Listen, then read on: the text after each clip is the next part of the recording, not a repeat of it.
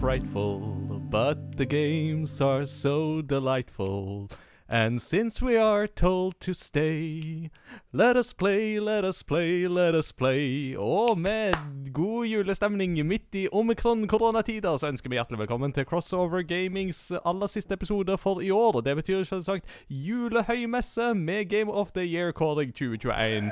Med meg, Ingar Taka Nobu Hauge, og med meg her i Oslo-studioet så sitter Peter Gjøkjell. Hallo, hallo. Og i det fjerne så syns jeg faktisk at jeg kan høre en sang ifra spillet de har sendt, som heter Welcome Home. Det stemmer, folkens. Han er tilbake. Ta imot Mats Jakob Hello, friends. Welcome home, my The boys friend. are back in town. town. the boys are back in town, my corona. Nei da. Det er godt å ha deg på Det er godt å ha deg på smittevernlengdes avstand, men du verden så godt det er å se og prate med deg, Mats Jakob. Så gi oss en statusrapport. Å, status. Nei, eh, familieliv, baby, jobb, korona. Vet ikke hva mer jeg skal si. Ja, tre, trebarnspappalivet Det du, du, Jeg har nå i hvert fall fått eh, Jeg har i hvert fall fått ett bilde fra deg der du sitter med baby på fanget og ser på kamp, så eh, det Ja. tyder jo på at oppdragelsen er iallfall godt, godt i gang, da. Det funker, det òg. Men uh, hva skal jeg si? Det er veldig likt, bortsett fra at jeg legger meg jeg har enda mindre eh, eh, Jeg legger meg enda seinere. Det, det er liksom For å få tid til meg sjøl, så må jeg legge meg litt seinere, og da Ja. Ja, da blir det sånn. Ja, det, er vel, det, er vel, det er vel ingen, eh, ingen i eh, kulturbransjen som legger seg tidlig, i det da? Det enten de jobber med rigging eller eh, andre kulturelle aktiviteter. Det stemmer jo det. Det blir jo noen, det blir jo noen sene kvelder i ny og ne, men jeg syns det er sykt gøy. Ja, Det må til. Åh, så bra. Det er godt å høre at du trives. Og yeah, det er ikke minst utrolig kjekt at du har anledning til å være med på det store Game of the Year-callinga. For vi skal jo ikke bare kåre Goti, men vi skal også kåre Gugoti, altså Golf Game of the Year. Uh, den helt nye, ferske spalten i årets uh, show. Som da blir veldig veldig artig, fordi at det er da den eneste spalten jeg tror vi noensinne har hatt der jeg ikke har en ting å komme med. For Jeg har ikke spilt et eneste golfspill i år. Men Ja. dere to dere har spilt golfspill, så dere må krangle når vi kommer så langt etter pausen. Har du også spilt golfspill? Jeg har spilt ett golfspill! ja da. Nice, nice. Storkost meg med det. Da vet alle sammen at Mats Jakob har ikke hørt på alle episodene. Nei. Det, det Nesten tro han var nybakt far eller noe sånt. Ja, Det, med det. Skulle nesten tro. Men nei, folkens, la oss eh, ikke kaste bort tida. Nå har vi hatt så mange tekniske problemer for å få i gang denne episoden at vi er redd for å påkalle oss podkastgudenes vrede igjen. Så la oss bare gå vel så gjerne i gang med å høre lytternes favoritter først.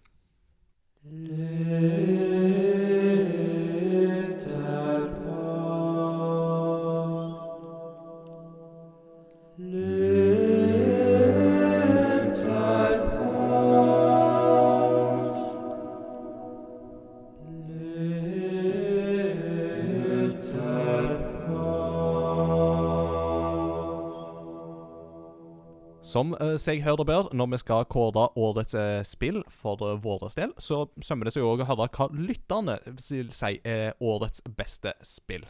Så eh, Peter holdt på å ta seg en slurk med vann, så jeg vet ikke om han skal begynne. Men eh, Mats Jakob, eh, nå er det lenge siden vi har hørt, eh, hørt din vakre stemme lese opp noe fra lytterne, så kanskje du har lyst til å begynne? Selvfølgelig. Uh, jeg har plukka ut svaret til vår kjære venn Espen Tveit. Espen? Espen! Og eh, han eh, Jeg plukka ut han her, for det er liksom eh, Når jeg satt og gikk gjennom spillåret mitt, så kjente jeg meg på en måte litt igjen. Mm. Men her står det. Jeg må nok si Monster Hunter Rise. Ikke fordi jeg tror det er det beste spillet som kom ut i år, men jeg tror faktisk det er det eneste spillet som kom ut i år jeg har spilt. Ikke misforstå, det er et bra spill, og jeg kom første gang eh, litt inn i dette monster Inn i dette med Monster Hunter, men det er bare Men det er bare ikke årets spill, tror jeg. Mm. Så han skrev på slutten Correction. Jeg har jo spilt Flåklypa. Da er jeg oppe i to 2021-spill, men svaret er fortsatt Monster Hunter. Er. Ja, som, som en som bare har prøvd en av de, så kan jeg si at av Monster Hunter Rise og Flåklypa, så kan jeg nok garantere at det er Monster Hunter Rise som er best av de to. Så uh, a wise choice, a wise choice. Og flaksespinn, du har dratt. Og, godt, og, godt, og du har spilt Flåklypa og ikke Monster Hunter? Ja, for det ble både spilt og anmeldt for Game Reactor, så det er godt testa. Og jeg kan eh, da si at eh, eh, selv om det var greit nok til sin tid, så vil jeg absolutt tro at Monster Hunter er bedre. Ja. All right, Petter, take it away. Korpus. Han skrev som følgende. Når det gjelder årets spill, som er fra i år, så må det definitivt bli Kenai Bridge of Spirit. Siden det er så vidt Siden det er så vidt jeg, husk, jeg husker det eneste spillet fra i år jeg har spilt. For å tolke på en annen måte, så er det ett spill som ikke kom ut i år, men som er spilt i år. Trommevirvel Hollow Night. Hollow Knight det altså. Hollow Knight. Ja. Mm. Slettes ikke et eh, dumt eh, spill. Fortsatt, ikke, fortsatt et spill som jeg eh, ikke har rukket å spille i år, men eh, det er ennå litt tid igjen før Silk Song kommer, for det har ennå ikke blitt annonsert når uh, det neste kommer, så da må jeg jo bare gå til verks. Jeg tar en lengre en i fra Zelialith, uh, aka Sigrun, eh, og da skriver Sigrun Tja. The Game Awards kom og gikk uten at jeg egentlig fikk med meg så mye. Det var for så vidt like greit, for når jeg gikk gjennom resultatene, viste det seg at jeg bare hadde spilt et par som var nominerte. Spillet som vant en pris eller to, var Forza Horizon 5, men der har jeg allerede vært ute og sagt at det ikke er spillet jeg har lyst på. Eh, tro til mine ord har jeg ikke rørt spillet siden de første par dagene. En annen kandidat for meg var nyversjonen av Mass Effect-trilogien, som jeg jo, tja, ikke hadde fått spilt meg helt igjennom, men som jo hadde vært mine favorittspill for litt over ti år siden. I år gikk mesteparten av tiden min på å spille det som har kommet ut i andre år. Jeg har kost meg med noen ferier i Kamurocho, vandret i The Commonwealth, blitt selveste helten av Kvatch igjen, kjempet horden med Darkspawn i The Deep Roads, og gjort pakter med demonen eh, Adramalik. Og der var det sikkert noen som vrei seg eh, vondt av min opplesning. Året 2021 var slettes ikke noe særlig Var slett, rett og slett ikke noe særlig interessant år for meg. Jeg begynte å tenke tungt allerede forrige uke. Skulle jeg si at et spill jeg, jeg ikke likte, var årets spill? Eller at årets spill var et som allerede kom ut for ti år siden? Vel, til slutt fikk jeg faktisk to i innspurten. Noe kom ut på GamePass, mens noe annet fikk jeg i tidlig julegave fra en venninne. Det ene er The Forgotten City. Et spill basert på en Skyrim-mod med en fantastisk story, så langt jeg har fått spilt, og med gameplay jeg vil beskrive som action, pek og klikk. Det andre er Marvels Guardians of the Galaxy, som kom litt ut av intet på meg. Du møter en fantastisk story som føles akkurat så Guardians ut som filmene, og stemmeskuespillet er helt fantastisk. Dialogen går som en foss, og jeg står og venter på den neste morsomme og ikke-repeterende dialogbiten istedenfor å haste meg videre. Og det er Mantis som stjeler showet hver gang. Word. Jeg blir like tatt på senga hver gang jeg hører Hey guys! Eller spiller jeg Guardians i en annen tidslinje? Hvordan var det nå igjen? Har du lyst til å spille? Ja Du må- Det er synd at jeg kjøpte det på Xbox, for da må du jo låne hele Xboxen min hvis du skal spille det. Ja vel, det, Eller du kan låne Xbox One-en min for å spille det. Oh. Det kan du jo faktisk gjøre. det er jo Det er en mulighet. Ja. Da blir sikkert kona fornøyd enda, enda mer inn i leiligheten. Mm. Bibliotek Um, Ingar slår til igjen. Mm. ja, ja, ja, sånn er det, vet du. Kom og lån alle som ikke har egne konsoller. Det er flittig brukt. det er jo det. Da vil vi se. Var det, mm, var det noen Aha. andre? Jeg vet at Ja, du det- iallfall ja, har funnet en. Ja. Uh, Benjo. Uh, årets spill? Spørsmålstegn. Er ikke det Skyrim, da? Mm. Som vanlig. Nei da. Helt seriøst, Valheim Nå har han skrevet der. Valheim er jo veldig bra. Og den står jo, Valheim står jo veldig sterkt til meg. Ja. Det, Mm. Selv om jeg trodde GTA 5 var årets spill, jeg, da. Super Mario 64 tror jeg er årets spill en gang. Mm. Nok, nok en gang. Mm. Ja. Nok en gang. Det er alltid, alltid riktig svar. uh, jeg har en fra Christian Kumlesopp som er litt lengre, som jeg kan ta. Uh, årets spill for meg er helt uten tvil Metroid Dread. Spillet er veldig bra i seg selv, men her er det mye historie bak som løfter hele opplevelsen flere hakk. Metroid Dread-tittelen har, det jo svirret rykter om siden 2005, så da tittelen ble avslørt på E3, datt kjaken ned i gulvet. Hadde de klart å gjenopplive det? Mm. Og når du spiller, er hovedpersonen Samus Aran grasiøs, selvsikker og oser av rå kraft. Det føles nesten som at hun sier til alle andre skudd på Metroidvania-stammen 'Flytt dere, jyplinger! Det var jeg som starta denne sjangeren her. Metroid er tilbake'. Metroid er tilbake, og det til gagns. Samus er dessuten helt nydelig å styre fra første sekund, og det blir bare bedre utover i spillet. I bunn og grunn er det en lineær bane du følger, men måten denne banen snirkler og fletter seg gjennom verdenen på, er så tilfredsstillende at det kiler i hjernebarken. Denne snirklingen, pluss at du kan bryte opp rekkefølgen fullstendig hvis du bare er flink nok, gjør at spillet føles mye åpnere enn det egentlig er. Når det gjelder bossene, er disse tidvis ganske utfordrende, men det er så raust med lagrepunkter at det aldri ble frustrerende. Og bossene er designet slik at når du først forstår hva du skal gjøre, er de ganske grei skuring. Det første jeg tenkte etter å ha fullført spillet, var 'dette må jeg spille igjen'. Mm. Og det gjorde jeg. Selv etter fire gjennomspillinger føler jeg meg ikke ferdig med spillet, selv om det er lagt litt vekk for denne gang. Er det noe mer å trekke for her? Musikken kunne kanskje vært mer minneverdig, ja vel. De gikk for å sette stemningen istedenfor å lage fengende melodier, og det klarer de bra. Det, har de, det hadde også gjort seg med litt flere piksler eller noe anti-aliasing, men her uh, her har de vel fått så mye saft ut av Switch-maskinen så jeg tror uh, det går an. Ellers tipp topp ti av ti. Metroid Dread er ikke bare årets beste spill for meg, det kniver også om tittelen tiårets beste spill. Og så slenger jeg på årets spill for 2020, som jeg ikke rakk å spille før i 2021. Paper Mario The Origami King. Hey. Man påstår at Nintendo ikke sikter på realistisk grafikk, men de papirbrettanimasjonene der er noe av det mest virkelighetstro jeg har sett i et dataspill. Koste meg fra start til slutt. Det får dessuten bonuspoeng av at ungene elsket å se på det.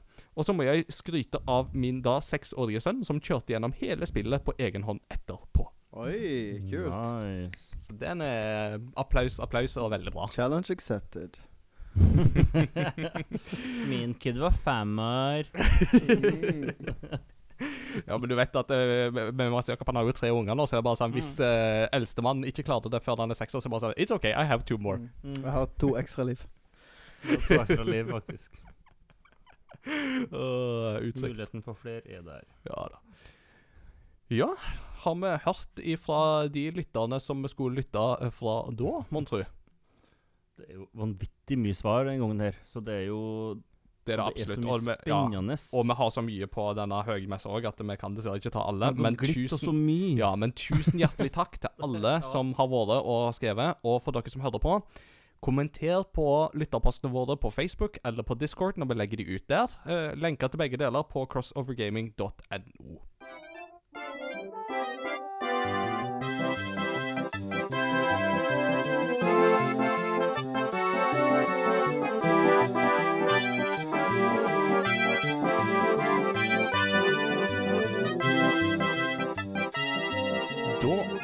herrer, har vi kommet så langt at vi skal begynne med våre faste kåringer. Og da har vi egentlig bare kopiert settlisten fra i fjor, pluss en eh, ekstra spalte etter hvert. Og første spalte ut er da beste spill du spilte i år som kom ut før 2021.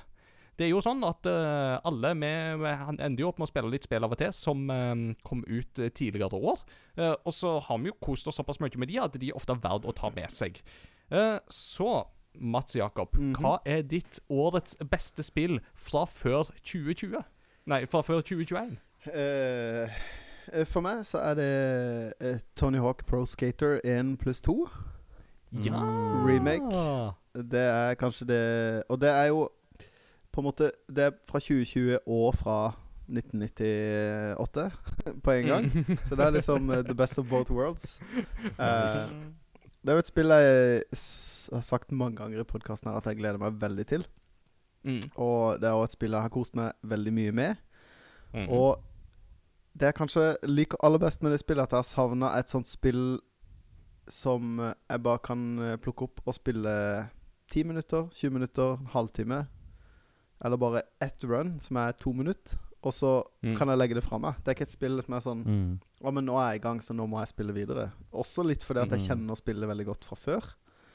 Så det er sånn eh, kosespill. Og det, et sånt spill har jeg på en måte egentlig leita lenge etter. For det er litt sånn Det er tungvint å dra fram Mario 64 hver gang man skal liksom bare spille ti minutter. Eller dra fram noe man kjenner godt. Sant nok. nok. sant nok.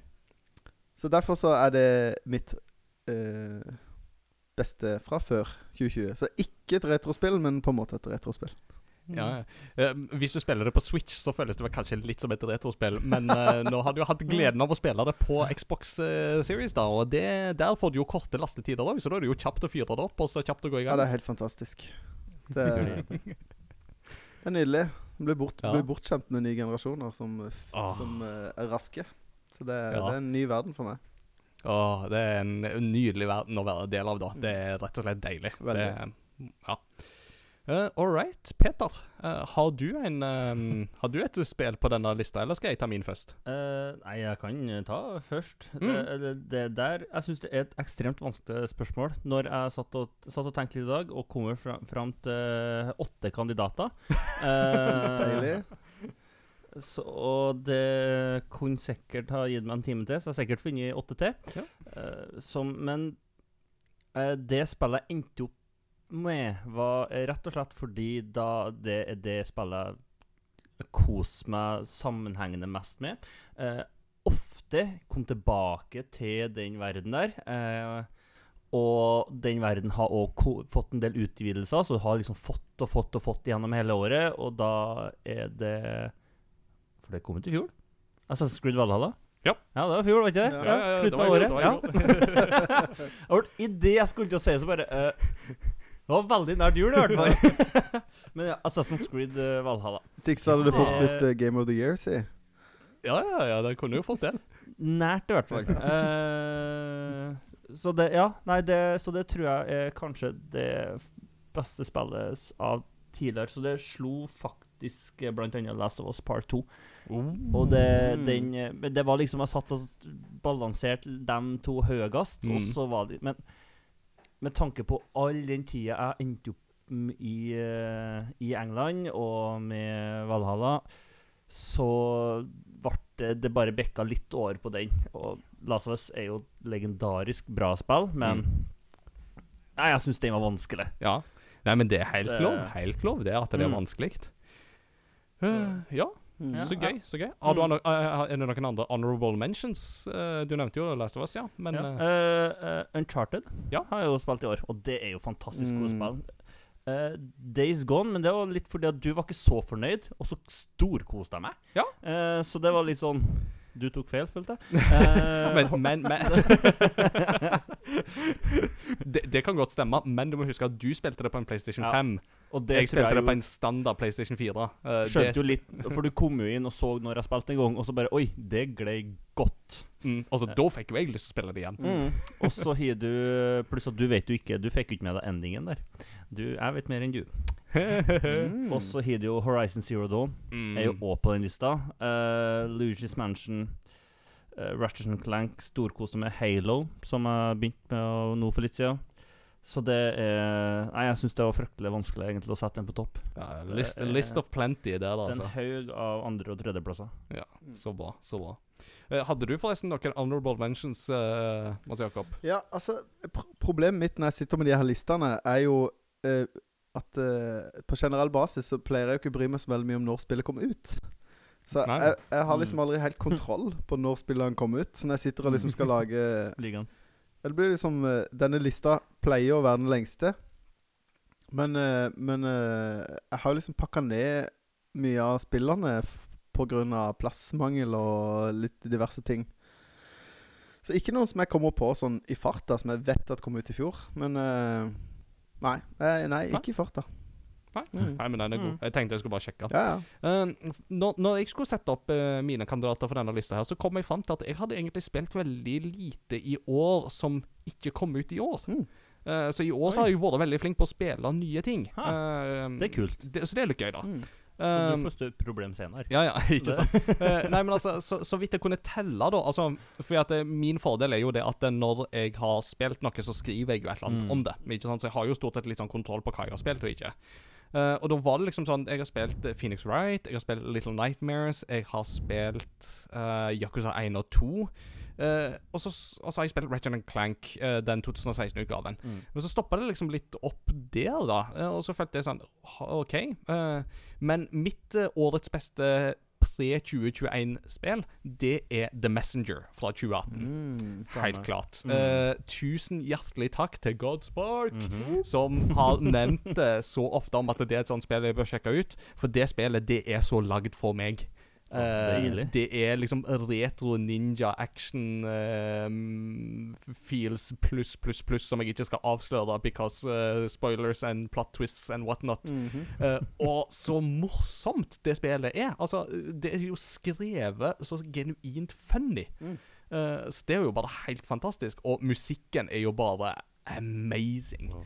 Uh, gleder jeg meg veldig til Jeg tror det er Sea of, Star, sea of the Stars, eller noe sånt det heter. Uh, det spillet som de holder på med nå, som kom ut i 2022. Som er lettere Chrono Trigger-inspirert, med musikk fra Yasunori Mitsuda. Mannen bak Chrono Trigger-musikken. Så han skal være med på dette soundtracket til et spill som er Chrono Trigger-inspirert. Og når disse folka lager det det, det Sign me up, altså. Da er det fort en av mine highly anticipated for 2022, og det er Mm. et år som blir fullpakka. Ja. Så mm, ja, The Messenger er da altså mitt uh, spill på lista over beste spill som kom ut uh, før um, 2021.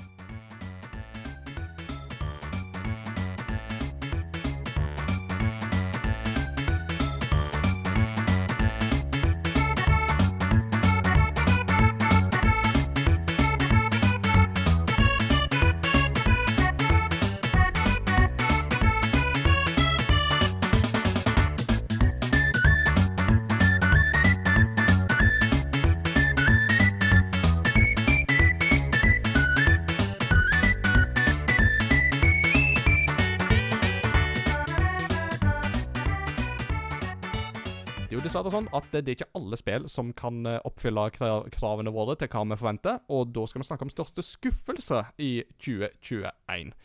Um, Mats Jakob, jeg vil begynne igjen hos deg. Mhm. um, altså, Største skuffelse betyr jo ikke nødvendigvis at dette spillet var det dårligste, uh, men det er likevel det som har skuffa oss mest i forhold til da forventninger og hva vi gjerne skulle ønske.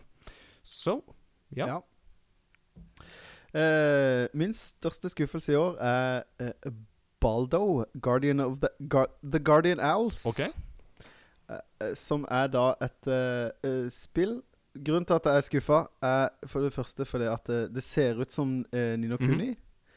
Og så gameplayet er Zelda. Med verdens, verdens dårligste Å framerate. nei. Og jeg ble så skuffa. Åh, jeg hadde gleda meg som en hund til å spille det spillet. Det var jo liksom bare Det var Spillet var lagd til meg. Med litt sånn Åh, for, ja, jeg ble skuffa.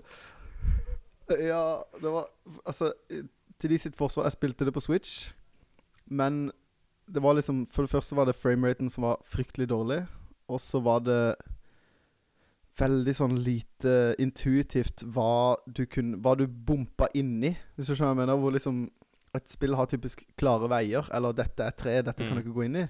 Men så var det noe med grafikken som gjorde at uh, jeg liksom krasja i alt mulig rart. Uh, dialogen var litt sånn keitete. Eh, kontro- hvilke knapper du brukte, var ikke helt intuitivt. Det var så, sånn små sånn quality of life-ting som bare gjorde Altså, frameraten var jo Mm. helt krise, men som gjorde at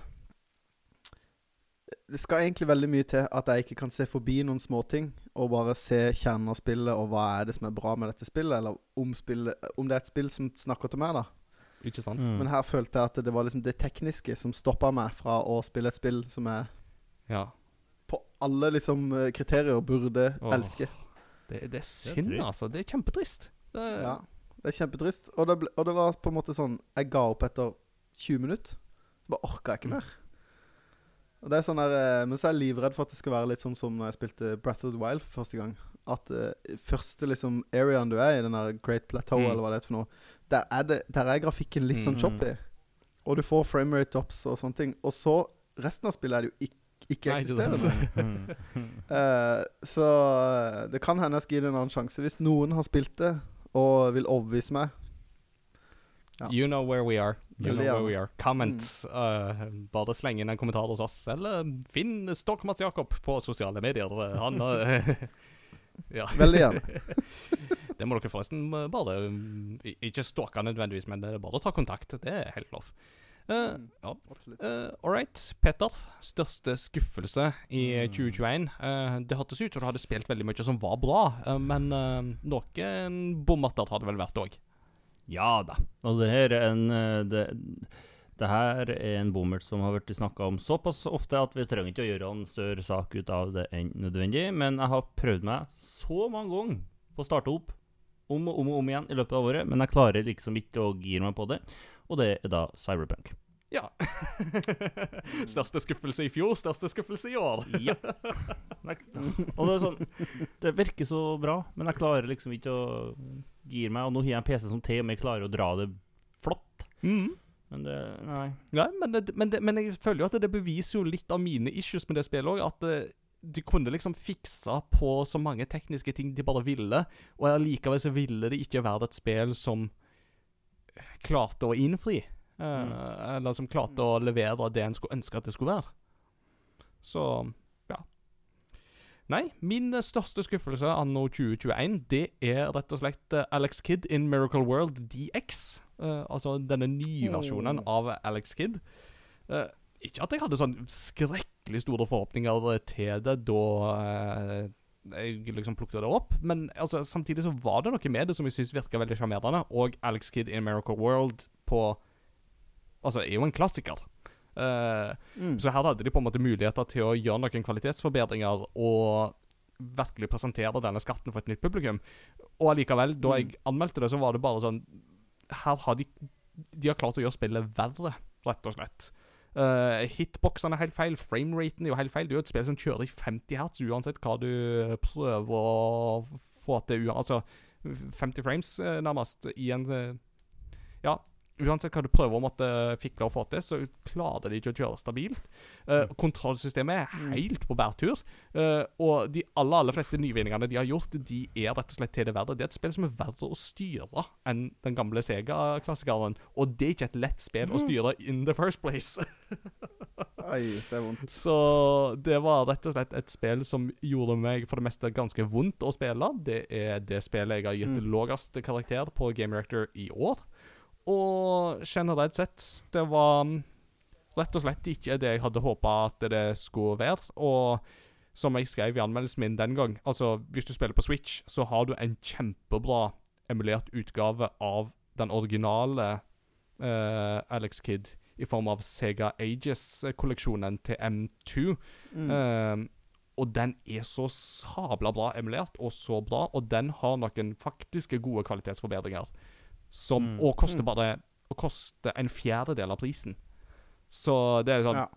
det, det er ikke et spørsmål engang. Det går for den utgaven, og ikke se deg tilbake på Miracle World DX. Styr Mm. unna Det er litt trist, for det, det er en av mine liksom, barndomsfavoritter. Så jeg, hadde egentlig gleda meg til det, og nå skal jeg styre Ja. meg langt unna. Det er bare hyggelig. Det må bare holde deg unna. Fyr heller opp eh, den versjonen på Switch. Altså Sega Ages-versjonen på Switch. Den er kjem kjempebra, så gå heller for den. Ja, Kult.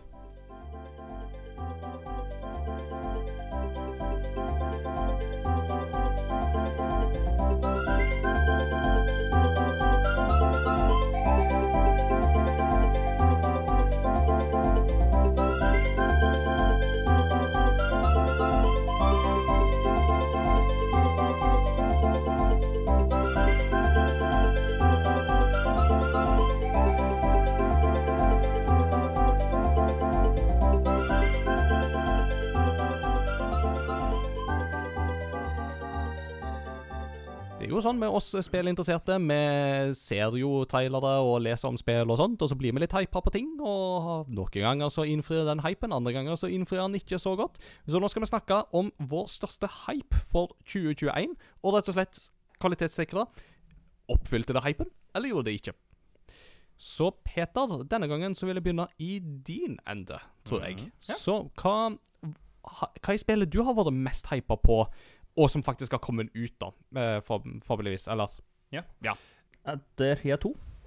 Eh, om jeg bare fikk lov til å ha én, så skiter jeg i det. Ja. Jeg tar to. Vil du Eh, og, og da er det um, ene har jeg spilt, og andre har jeg ish spilt, men ikke storyen, skulle jeg si. Eh, da er det Kenai Bridge of Spirit. Ja. Det var jeg gira på fra det øyeblikket jeg så traileren.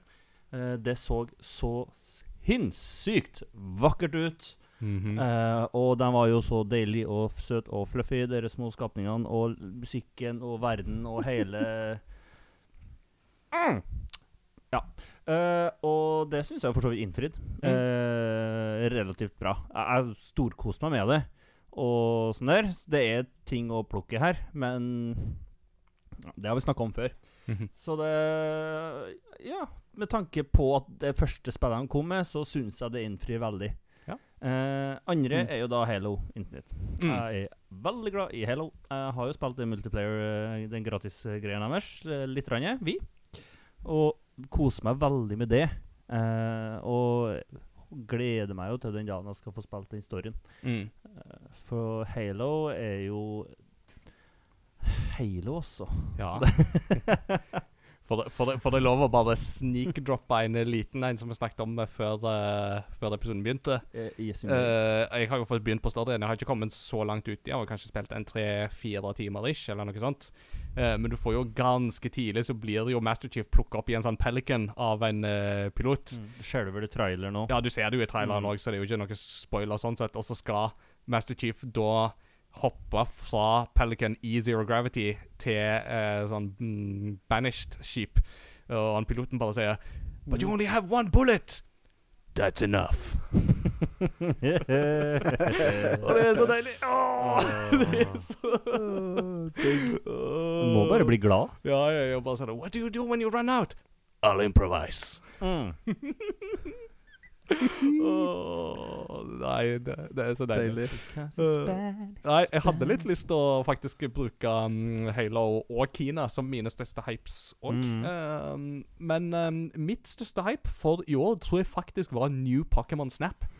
Eh, Fordi det er over 20 år siden vi har fått et Pokémon Snap-spill sist. Og jeg var så sjukt klar for det. Jeg har vært så klar for det så lenge fordi jeg syns at det Mm. konseptet fungerer så godt. At det var sånn Idet de annonserte det, så var jeg bare sånn Ja! Og så var jeg sånn! Eh, og jeg eh, var jo så heldig at jeg fikk anmelde det. Uh, og jeg må si at absolutt Jeg syns det am Uh, opp innfridde er ordet. innfridde hypen, det Mm. vil jeg si.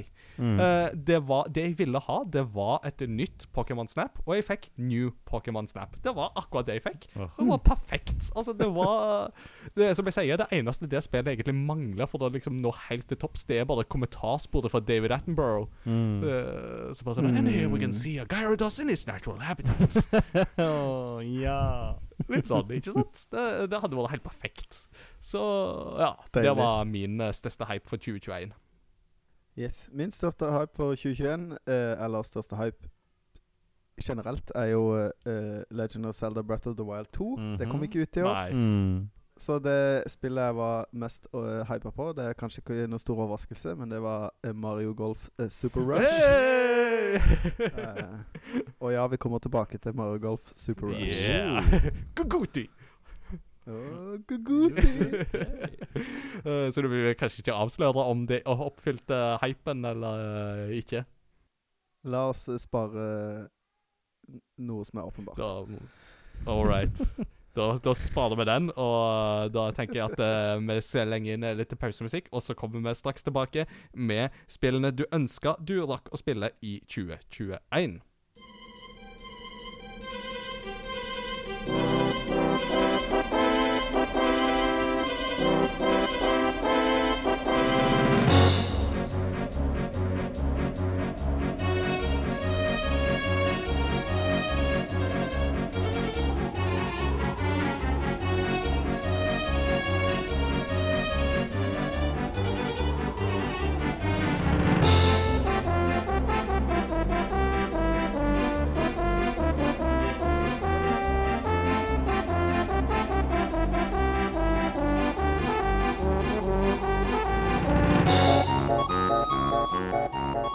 Ja, Selv om vi spiller så det knaker og synger, og så masse som vi får tid til i våre travle hverdager, så er det jo noen spill vi ikke rekker å spille i, i løpet av et år. Så dette er da spalten spillene du skulle ønske du rakk å spille i 2021. Og da fortrinnsvis da spill som kom ut i år, da, som eh, vi tenker først og fremst på. Um, Mats Jakob, ja, kanskje, kanskje du har lyst til å begynne? Eh, du fikk jo en, en eh, selv om det er kjekt med familieforøkelse, så regner jeg jo med at det setter en sånn liten demper på spilletida, i alle fall lite grann. Så da kan jo denne lista fort bli lang. Ja, denne, denne lista kunne vært veldig, veldig lang. Eh, men eh, jeg har plukka ut noen eh, som ikke bare er ønsker, men som er intensjoner Mm. Om å spille. Mm. Ja, det, det er et godt uh, poeng. Det mm, kan jeg òg Mm. si meg enig i, i alle mine punkter. Mm. Yes. Det er mange spill som virker gøye. Men uh, uh, etter å ha Jeg var ikke gira på Metroid Dread i det hele tatt når det ble annonsert. Ah. Eh, fordi at jeg syns ikke den eh, Jeg syns ikke det så så gøy ut å bli jaga av en robot hele tida. For jeg syns Metroid i seg sjøl er et litt sånn spill du trenger litt puste Sånn i, Når du spiller Super Metroid, så har du på en måte tid til å liksom puste, tenke Mm. eh, s- på en måte soake inn hele den atmosfæren, da. Som jeg på en måte føler er liksom Metroid Essensen av Metroid er liksom den der veldige eh, atmosfæren. Mm. Men etter å ha hørt hvor mye folk liker Metroid Dread, så har jeg blitt gira på å spille Metroid Dread. Eh, så det er, det er et spill jeg skulle ønske jeg fikk Jeg hadde ikke rakk. Skulle ønske jeg spille gadd å spille. Mm. uh, mitt uh, spørsmål der er Jeg glemmer jo um, Super Metroid. Hvordan er ditt forhold til Super Metroid, eller Metroid-serien generelt? Jeg har spilt uh, Metroid eh, 2 på Gameboy. Mm. Og så har jeg spilt Super Metroid. Ja. Det, og så har jeg spilt Metroid Prime. Og så prøvde jeg Other M, men det var ikke noe Ja. Other M snakker vi ikke om. Det er litt sånn mm, eh, Den er litt sånn i holdt jeg på å si Wand of Gamelon, uh, Unholy Trilogy-pakken. Men ofte når jeg spiller Metroid, så har jeg ikke noe sånn jeg har, jeg har ikke noe sånn urge til å fullføre spillet. Jeg har mer bare et behov for å liksom soake til med atmosfæren i Mm. spillet. Altså det er mer liksom Stemninga er ute etter mer enn liksom å fullføre og komme meg gjennom, da. Mm. I can relate. Uh, yes. Men uh, jeg tror Dread, eh, er den ene.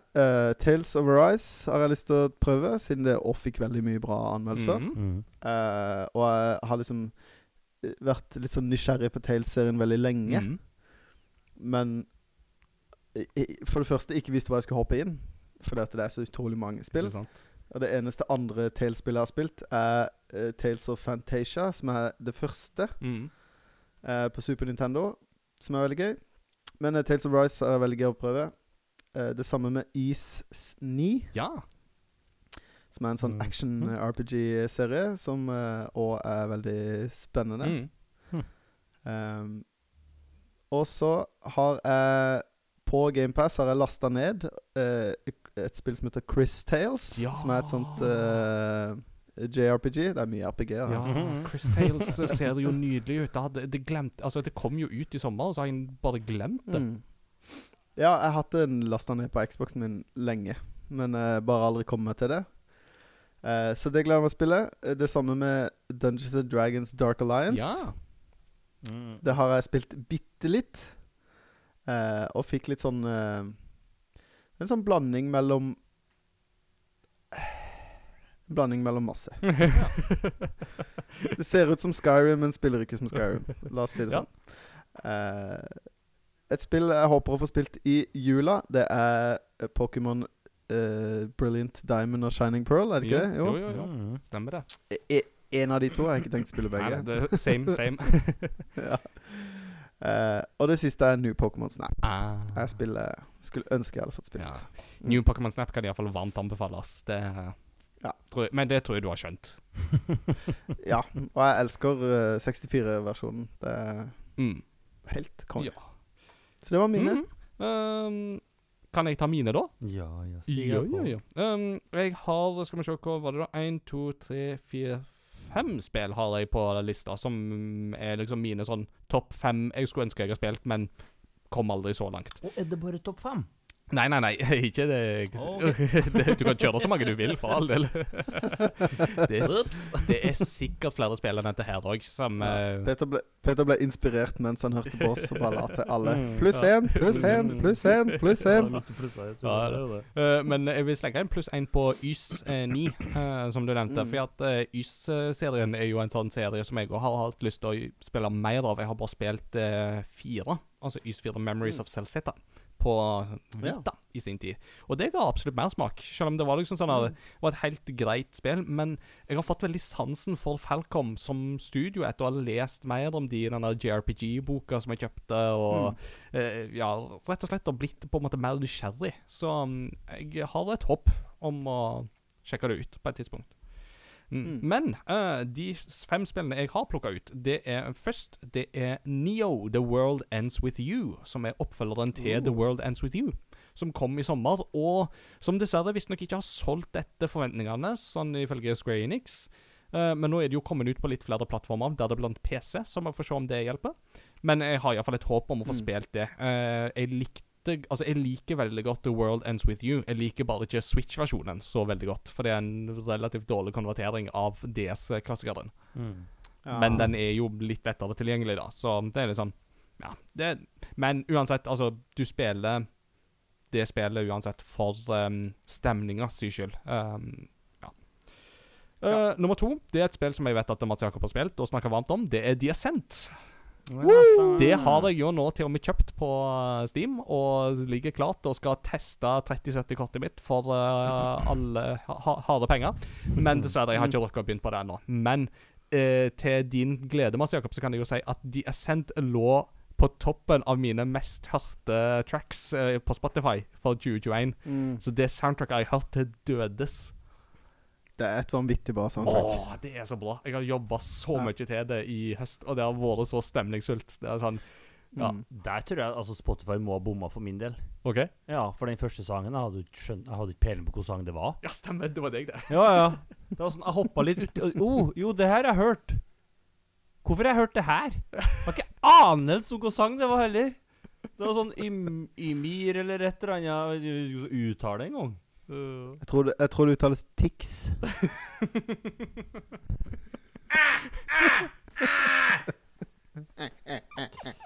Ring legen, jeg ler meg. Nei, så det var sånn Ja vel. altså, det skjønte jeg ingenting. nice. Men anyway Anyway. Uh, det tredje spillet på lista Det er Monster Hunter Rise, som jo har blitt nevnt Ja. tidligere. Det tror jeg fort kunne kommet på min topp ti-lista hvis jeg hadde rocka og testa det. Uh, for jeg likte veldig godt Monster Hunter World, men den gang ei. Så vi får se. Mm. Uh, nummer fire, Shin Megami Tensei 5. Uh, det nyeste av Shin Megami Tensei-serien, som jo er Altså, Persona er jo en spin-off av Shin Megami Tensei. Uh, Mm. Så Persona har jo blitt mer kjent, men Shin Megami Tensei, eller Megami Tensei strengt tatt, var jo OG av de. mm. Og det kommer jo nå på Switch i november, og skal visstnok være veldig, veldig veldig bra.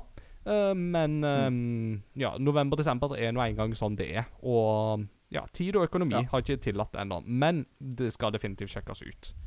Og det siste, det er The Great Ace Attorney Chronicles. Det har jeg heller ikke rukket å teste ut. Jeg spilte jo Mm. ferdig Phoenix Wright uh, Trilogy i sommer. Uh, og har siden det vært veldig gira på å spille mer uh, Phoenix Wright, eller Ace Mm. Attorney. Så det skal definitivt sjekkes ut på et tidspunkt. Det var mine. Mhm. Peter, take it away. Yes. Uh, ja uh, Guardians of the Galaxy står øverst her. Uh, det har vært, jeg har ikke vært mindre gira på det etter at dere drev og snakka om det. Eh, og kjøpte jo det for så vidt i uh, jule... Tror ikke søstera mi hører på den podkasten. Vi tar sjansen på at uh, søsters ikke hører på. Vi, I så fall, Ja. søsters, hvis du hører på, ikke hør på de neste ti det sekundene. julegave, ja. Mhm. Eh, og så har vi jo Ratchet Clank, som jeg er veldig gira på. Det er uh, Rift Up Rift Apart. Apart. ja, det. Mm. uh, Metroid har jo ikke spilt noen av den spillene der. Nei. Eh, men blir jo, du blir jo gira når du hører du snakker om det, og når folk skriver i lytterpostene Mm. om hvor vanvittig Spilte gjennom fire ganger, var det? Ja. tjara av øynene. Uh, ja, så det er jeg meget, meget på å få testa ut. Det skal du få låne når vi kommer så langt. Takk skal du ha. Og så har jeg Far Cry 6. Ja. Der jeg har jo spilt alt andre. Jeg må jo teste ut uh, sekser nå. Ja, Eh, Jeg òg er jo litt der at jeg er sånn Jeg, jeg tester det gjerne ut, mm, men jeg har ikke tenkt å prioritere det når en hører liksom at det, det er Far Cry. Ja. ja, det Nei, det, det må på tilbud. Mm. uh, det er det. Og så har du jo selvfølgelig Halo Infinite. mm. Eh, den er her. Den er nok høyere på lista enn den kom nå, men eh, Og så, etter å ha kikka litt på lytteposter til folk, så blir det jo påminnet om forskjellige ting, og da er det Sea of Thieves. Ja. Jeg, det er jeg egentlig gira på å få testa. Det virker så sykt kjekt. Du har gjenger på YouTube som driver og synger sea shanties mens de spiller med fullt av randoms, og det virker jo god stemning. Å, det kan jeg være med på, faktisk. Ja, når du det- sier det, det- sånn. Altså, Jeg kan være med ikke for spillet sin del, men for å synge sea shanties. Mm. Mm. det er altså nok en gang Assassin's Creed eh, Black Flag er aldri oh. så lite fast travel som Nei. det jeg spiller. Det Word. og Spiderman, liksom. Sea shanties i Assassin's Creed, det hits you different. Og så har du New Pokémon Snap, som jeg er gira på å prøve. Har ikke spilt det gamle, men det ser jo veldig nusselig. Og jeg har vel planlagt å låne av deg til jul for å imponere eh, tantebarna til min kone litt mer. De har ikke truffet på to år, så vi må liksom legge inn alle kortene som kan nå. Ja. Da, da skal du få låne både New Pokémon det- Snap og eh, enten Brilliant Diamond eller Shining Pearl. Vi må bli enige om hvem som skal ta hva. Og så har du Mario Kart. Ja, ja, Mario det- Golf eh, Super eh, Rush. Eh, Mm. Jeg har jo fått litt sansen for eh, golfspill i det siste. Har spilt kun ett, men det ga mersmak. ja. Så det Og det, det, ser jo, det ser jo vanvittig artig ut. Mm. Det er ikke, altså ikke bare kos, liksom. Altså eh, PGA 2021 er, det er jo kjempekos. Mm. Uh, men Mario Golf Super Rush, det ser skamkjekt ut. Nice. Mm.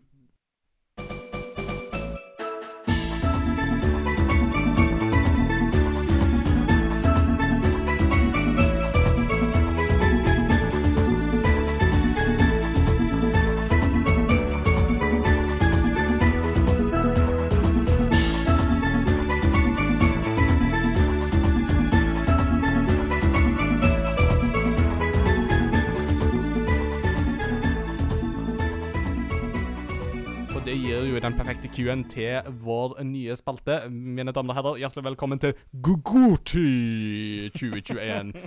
Golf game, golf game of the year. GG of the year. GG of the Jeg bare sier det.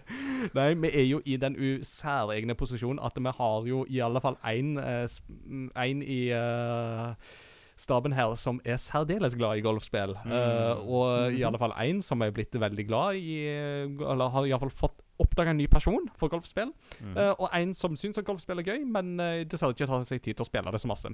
Så folkens, dette er da en spalte der jeg ikke har noen ting å komme med. Nå er det de to andre som skal få lov å prate. Uh, så Kadas, hva er golf game of the year?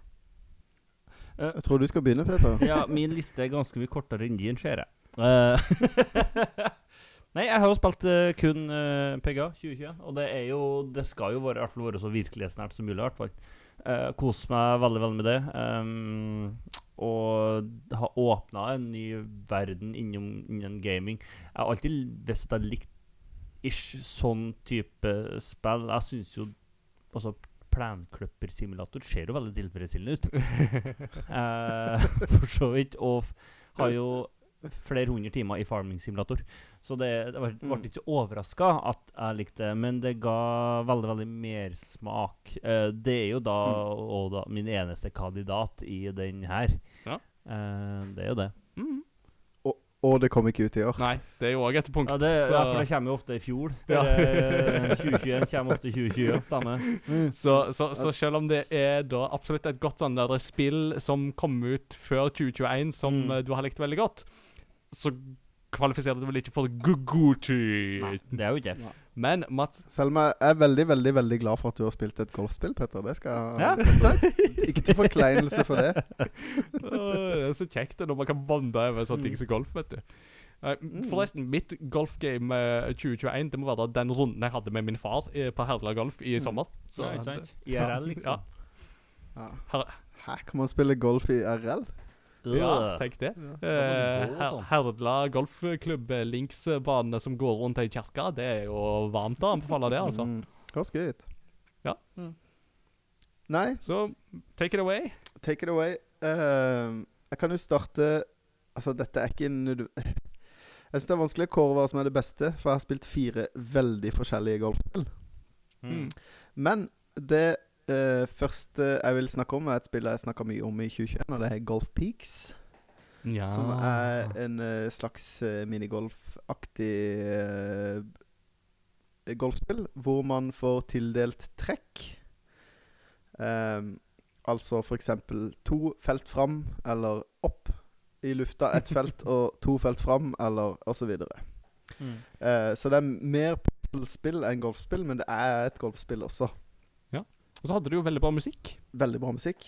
Eh, også veldig sånn eh, god oppbygning med liksom At hver, eh, hver area har sin egen på en måte greie, da.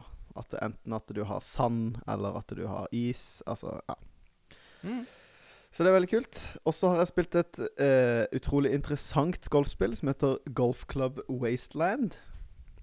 Eh, som handler om at alle de rike forlot eh, planeten vår eh, for å flytte til Mars. Mens alle de fattige ble igjen. Og så nå reiser de rike tilbake og spiller golf i liksom wastelandet som er Earth. Eh, hvor det som er kult med spillet, er storyen. Som blir fortalt gjennom eh, eh, eh, Radio Mars. Eh, som er liksom en radiostasjon som spiller i bakgrunnen. Som bare kommer med masse sånn worldbuilding eh, og, og backstory, da.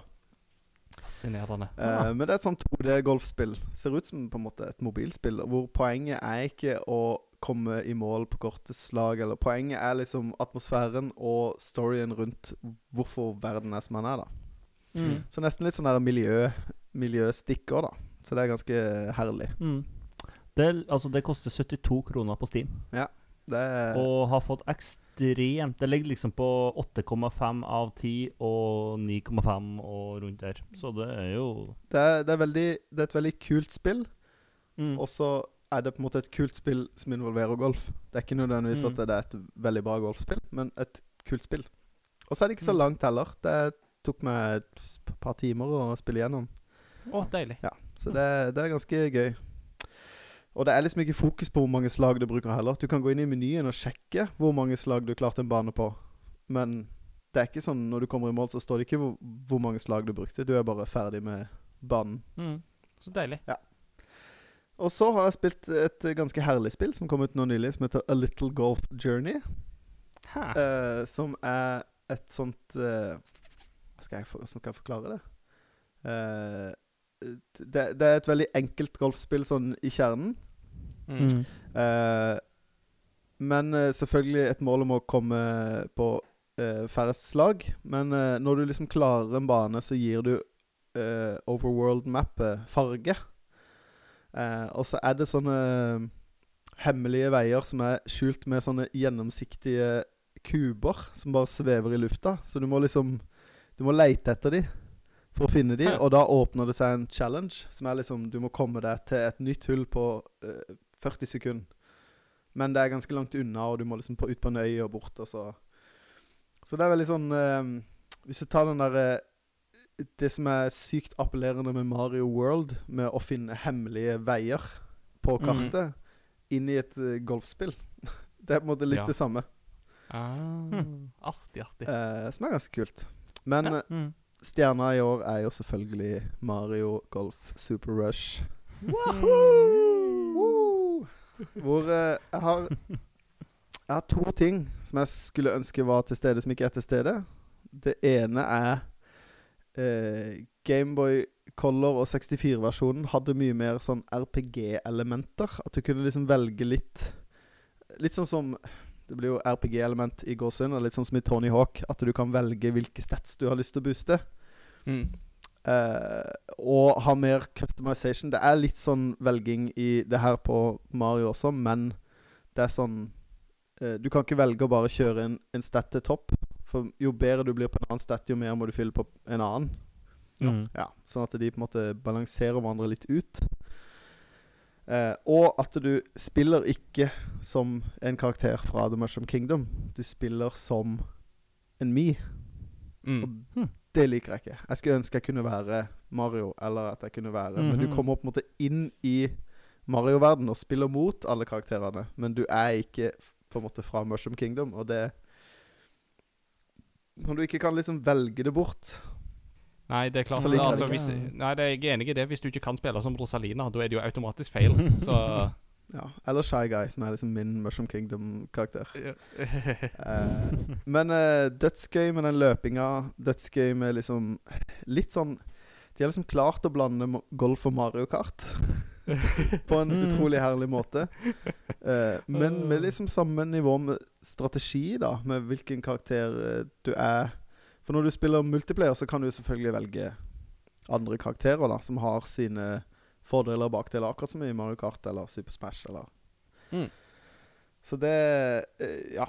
Veldig, veldig gøy spill. Eh, det er ikke mange spill som får meg til å liksom snike til meg spilletid i hverdagen.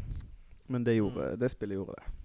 Fantastisk. Så da må vi rett og slett få splæsja opp eh, stort bilde med coveret til Mario Golf eh, Super Rush eh, med da eh, official eh, crossover gaming seal of quality Guguti 2021. Guguti. Yeah.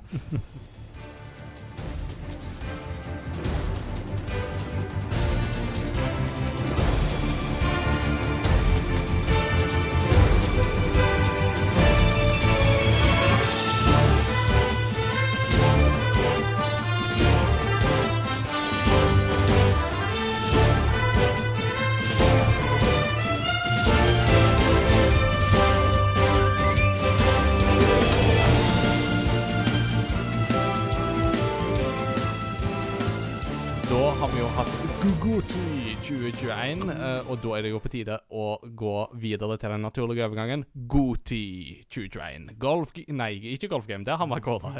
Game of the Year 2021. Eh, og denne kåringen er jo da todelt. Først så skal vi kåre våre personlige Games of the Year for 2021. Og til slutt så skal vi da kåre Crossover Gamings kollektive Game of the Year 2021. Eh, så em, Jeg har ei topp ti-lista, uh, og jeg tror kanskje jeg vil spare den sist. Så da Mats Jakob Jeg syns det er kjekt å begynne i din ende, jeg. Så uh, hva er ditt årets spill? Yes. Jeg har en uh, topp fem-liste. Yes, konge! Eh, og Han har Eh. fått kid, og han har spilt flere unger enn det. eh, Spilt flere spill i år enn nye år. Kan du si det engang? du har spilt flere spill enn meg, da. Det er jeg. Men eh, jeg har eh, Jeg tror nesten det er de eneste fem spillene jeg har spilt i år, men det er fem spill jeg faktisk har spilt. Ja. Eh, og det ene er et spill som jeg vet Jeg er ganske sikker på at du ikke har spilt, Ingar, som jeg tror du har lyst til å spille. OK. Som jeg spennende. tror egentlig, egentlig burde vært på din uh, skulle ha spilt i år-liste, men uh, vi får Oh. se. Uh, dette er i, i eh, tilfeldig rekkefølge. Jeg har ikke noe eh, Dette er mine fem eh, Game of the Years. Yeah. Games of the Year. Game of the Years. Game of the Ages. Disse spillene er så bra at de vil være beste spill for alltid. Great transcend time and eh, Transcending matter. history and the world, a tale of swords and souls, eternally retold. Oh yeah. Hvilket spill er dette? Uh, det første spillet er Mørkeredd. Ja, jeg tenkte på Soul Calibur. Uh, oh, var det jeg Men nevnte, da. Men ja. Mitt, mitt spill er Mørkeredd. yes. uh, kjempegøy eh, konsept. Mm. Kjempe Et spill som er best eh, couch co-op, og det får, gir alltid en pluss i margen hos meg. Mm. Eh, eh, hva skal jeg si Det er jo eh, til spillets forsvar Det er fordi det er skrekkelig vanskelig å spille alene. Det er liksom den ene tingen. Mm. Men eh, det er eh, et eh, spill. Eh, neste spill, det er Psychonauts 2. Yeah! Yeah. Veldig, veldig verdig oppfølger, vil jeg tørre å Mhm. påstå. Ja, Mhm, en, eh, det er ikke alltid at en oppfølger som kommer så lenge etter, klarer å levere, men dette spillet Mm. leverer virkelig. Jeg Det er Så deilig. skikkelig Det er et, rett og slett et veldig bra 3D-plattformspill. Det er kjempebra. Det er Mm. så tilfredsstillende å spille. Og som du sier, altså dette er jo 16 år etter forgjengeren, og allikevel så det, det føles jo bare som om de fortsetter akkurat der de slapp, og så klarer Yes. de å få det så bra til. Så kudos for det. Og igjen et spill med fantastisk musikk, altså. Ja, veldig bra. Så det, det er veldig det, det jeg trodde jeg skulle reagere på, var bare at grafikken var blitt mye bedre. At det skulle på en måte eh, være til forkleinelse for eh, eneren, men så er det ikke det. Det er veldig rart. Det, Mm. ja. Eh, og så er jo selvfølgelig The Ascent på den lista. Mhm. Kjempegøy eh, Jeg vet ikke om man skal kalle det en dungeon crawler. Jeg føler det på en måte er det. Ja, det er en twin Eh. stick shooter dungeon crawler. Det er Ja. jo en god betegnelse, det. Med dødsbra soundtrack, så det er virkelig et eh, godt spill. Yeah. Og så eh, det som ja, hvis, jeg, hvis jeg må si at et av disse er Game of the Year, så er jo dette Game of the Year. Det er jo Mario Golf. Mm. Eh, yes. litt fordi at det bare snakker til meg. Mm. Men uh, det siste spillet som jeg har uh, spilt uh, veldig masse den siste uka Fordi at eh, det er først nå jeg har hatt en kontroll. Fant ut at jeg har en kontroll til å spille det, og det er Apple Arcade-spillet Fantasian. Ja Der har du rett. Det er et spill jeg gjerne skulle ha Mm. spilt i 2021.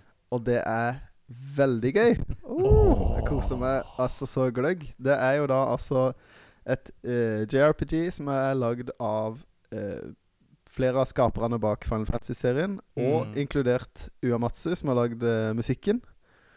Hm. Eh, så det er fantastisk musikk. Men det som virkelig liksom får meg til å kicke på det spillet her, er at eh, alle bakgrunnene er eh, håndlagde modeller som de har 3D-skanna. Og så spiller du Så når du spiller i en skog, så spiller du på en sånn liten sånn derre Warhammer-skog. Hvis du skjønner hva jeg mener. Med sånne derre Ja. eh, kunstige grønne skumgummibusker. Og Mm. liksom sand og eh, sånn epoxy-vann. Og det er liksom Du ser at det er en modell hele tida, men du spiller en sånn liten digital eh, Klassisk anime JRPG-karakter, på en måte. Mm. Eh. det, det, det, det er så kult laga, altså. eh, Mm. Og ser så stilig ut. Så det er sånn Ja. Veldig tøft laga. Og jeg snakka jo tidligere om et spill som jeg ikke takla spillet spille pga. framerate. Mm. Dette er et spill jeg spiller på tross av framerate, for det har ganske gode framerate drops, spesielt i Ikke cuts Altså, det er jo cutscenes, men det er på en måte in game cutscenes. Så det er ikke liksom eh, eh, filmer, men det er liksom i motoren. Men der er det periodevis ekstremt choppy. Mm. Um, og så har den, det spillet her en av de beste Beste Liksom uh, Hva skal jeg si det er, det er ikke en quality of life improvement, for det er ikke sikkert alle ville elske det, men jeg elsker det. For den har en sånn Du bærer på den sånn uh, capsule Mm. som samler opp random battles. Åh. Sånn at du, hvis du har den på, så kan du gå, og så plutselig så ping, så dukker det opp, så står det at du har eh, fire av 30 monstre i capsulen din. Mm. Og så, eh, på når som helst tidspunkt frem til den er full, så kan du velge å aktivere og slåss mot alle monstrene på én gang. Åh, så Eh, kult! Men hvis den blir full, så blir det automatisk starta en battle mot 30 Ja. monstre på en gang. Mm. Som gjør at du får eh, ikke så ofte battles, men når du først får en battle, så får du en ganske heftig battle. Mm. Som igjen føler at når du da eh, får experience points, så får du mye experience points. Så stilig. Som er en et, Jeg har ikke hørt om eller sett en lignende mekanikk i et uh, rollespill før. Nei. Som uh, bare gjør at flyten i spillet blir utrolig mye bedre. Oh. Fordi at du kan velge liksom Ja, du kan velge litt når du er i humør for en kamp, og du kan også før en kamp lagre Bruke det de kaller i spillet for en healstone, som du kun kan bruke på sånne lagrepunkter. Mm. Hvor du fullstendig healer hele partyet ditt, og så kan du gå inn i en ganske heftig kamp. Og så har eh, I kampsystemet så har du flere moves som har eh, eh, Du kan på en måte line opp og se OK, hvis jeg tar dette angrepet som går i en rett linje, så kan jeg treffe Hvis jeg sikter han akkurat sånn, så kan jeg treffe fem fiender med angrepet mitt. Eller noen har angrep som kan gå i en, ku en bue. Mm. Så du kan liksom ta en fiende som er bak, eller Ja. Så han har ganske mange gøye sånne uh, ting som jeg, ikk, som jeg ikke har sett i rollespill før. Men nå har jo ikke jeg spilt alle rollespill. Men uh, som føles som nyvinninger. Mm. Mm. Eh, også er storyen ganske kul. Veldig klassisk JRPG. Du våkner og husker ingenting. Det høres kjent ut. Ja, har, har jeg hørt det har jeg spilt dette spillet før? Mm. Nei, men uh, jeg syns det Jeg er veldig positivt overraska over at dette er da i gåseøyne et mobilspill. Mm. Det er jo ikke Det er jo ikke tenkt som et rent mobilspill, men det er også et mobilspill. Mm. Mm. Grunnen til at det har tatt så lang tid for meg å spille det, er fordi du må spille det med en håndkontroll. Mm. Eh, og jeg opp tenkte ikke på å bruke Xbox One X Nei, Xbox Series X-kontrollen min Mm. på det, fordi jeg har en Xbox. One-kontroll som ikke har vanlig Bluetooth, men har eh, bare connectivity til Xboxen, da. Mm. Så når jeg fant ut av det, så begynte jeg å spille det. Og da Ja. spilte jeg fem timer i strekk. Og det er ikke ofte at jeg spiller fem timer i strekk. Wow. Åh, så gøy. Åh, Mm. så gøy. Jeg håper virkelig det kommer til noe annet enn Apple Arcade, for det har jeg jo ikke tilgang på. Nei. Så det er liksom en av de få plattformer der det bare sånn Sorry, men det har jeg ikke. Så Nei. åh, jeg krysser fingrene for at Mistwalker får det ut, altså. Det er på noe annet. Om det så bare er på Mm. Android, så skal jeg absolutt sjekke det ut. Ja. Og Akkurat når vi snakker om uh, uh, eh, Apple Arcade, så kom jeg på at jeg har spilt et golfspill til. Hey! uh, eller om det kom ut i år eller i fjor, jeg husker ikke. Men jeg har spilt Clap Hands Golf, som er da eh, Det var i år. Ja. Da har spilt eh, Det er fem gode Det er også et helt annet golfspill enn alle de andre jeg har spilt. Mm. Golfspillsjangeren er en variert og god sjanger. absolutt. Ja. Det er mye du kan gjøre med golf. Absolutt. Så det var mine spill. Supert. Det var eh, en kjempegod liste, og ikke minst takk for at du trakk fram uh, Fantation, fordi at det er sånn Det er fort gjort å glemme, men det tror jeg er definitivt verdt å sjekke ut. Uh, All right. Peter, Mm. dine Dine beste spill for i år, og kanskje det beste spillet. Ja, jeg tror jeg har dem i den rekkefølgen som jeg foretrakk dem. Ja. Og da eh, er det fire spill. Nederst så er det Halo, men det, det er jo rett og slett altså, Jeg har fått spilt det så lite. Mm. Uh, Storkoser meg med multiplayer eh, som vi spilte og litt sånn der, Mm. og syns det er veldig, veldig kjekt. Uh, men uh, ja, har ikke klokka veldig mange timer i det ennå, så da uh, får den fjerdeplassen. Mm. Neste er Kinau Bridge of Spirit, som Ja. jeg syns er et fantastisk eh, Det er et, ja, et meget bra spill. Eh, det tok vi i stad. Neste Det var nok en gang tett imellom de to øverste. Uh. Eh, på andreplass så ble det It Takes Two. Ah, collaboration! Ah. Spe Og- det vant jo forresten The Game Mm. Awards for årets beste spill. Det Ja, var kjempegøy å se uh, Josef Fares på scenen der og han holder takketale og bare vil uh, takke kidsa sine, som uh, en, en han har, og andre på vei. And guys, if you don't have kids, get them! Go get them right away! Åh, nydelig. Så ja, årsaken tror jeg til at den ikke liksom tok førsteplassen, er nok litt fordi at det har spiller med Annika. eh, men jeg har stoppa litt opp akkurat nå, for det er styggtravelt. Mm.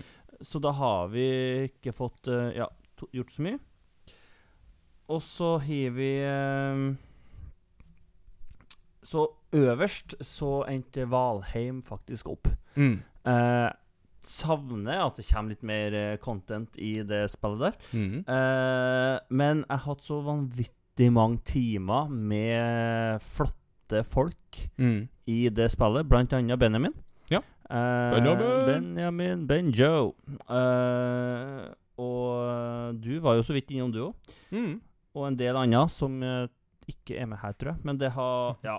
Det, det var den perioden når vi fikk spilt mye Mm. og bygde oss skikkelig baser og sånn der, og fikk besøk av andre venner innimellom. Og ja, alltid når du var ute på båt, så var det jo det once a ship that put to see the name of the ship was a billy of tea. Uh, så det, ja, det var fantastisk stemning, og storkost meg Mm. dem, eh, den perioden når vi spilte det jevnt og tett, altså. Fantastisk. Mm. Nydelig.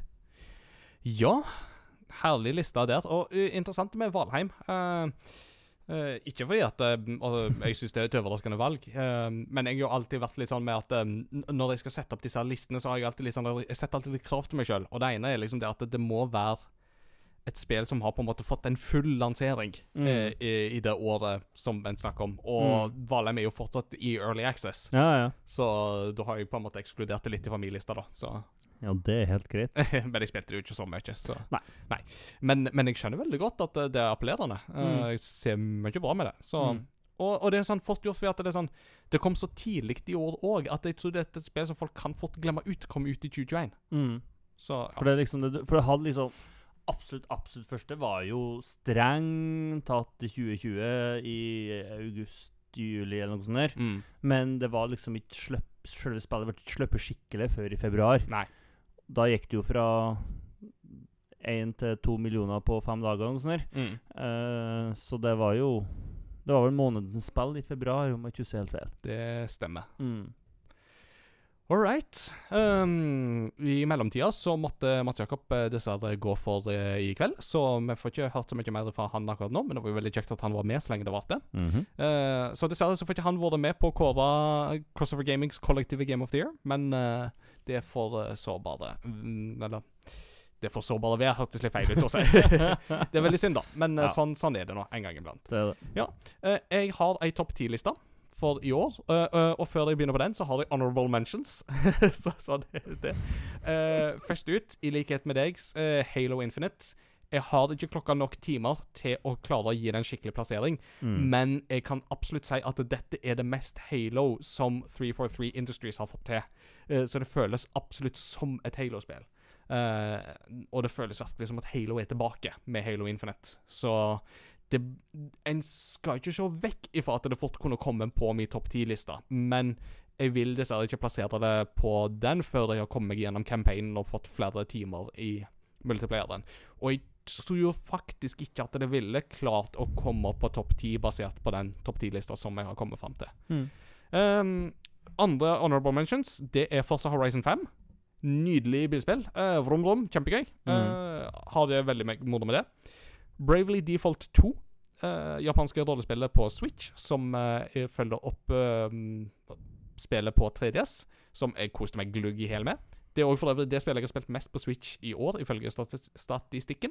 Ja. Så artig, og ikke minst råbra musikk der Mm, òg. Altså, mm. soundtracket um, Revo er tilbake med det, sånn som han bare kan få til. Altså, mannen bak Attack on Titan-musikken, liksom. Det er sånn oh, You know what you'll get. It is awesome. deilig. Ja. Eh, og et spill som fort kan gå i glemmeboka til mange. Super Mario 3D World, Bowsers Fury.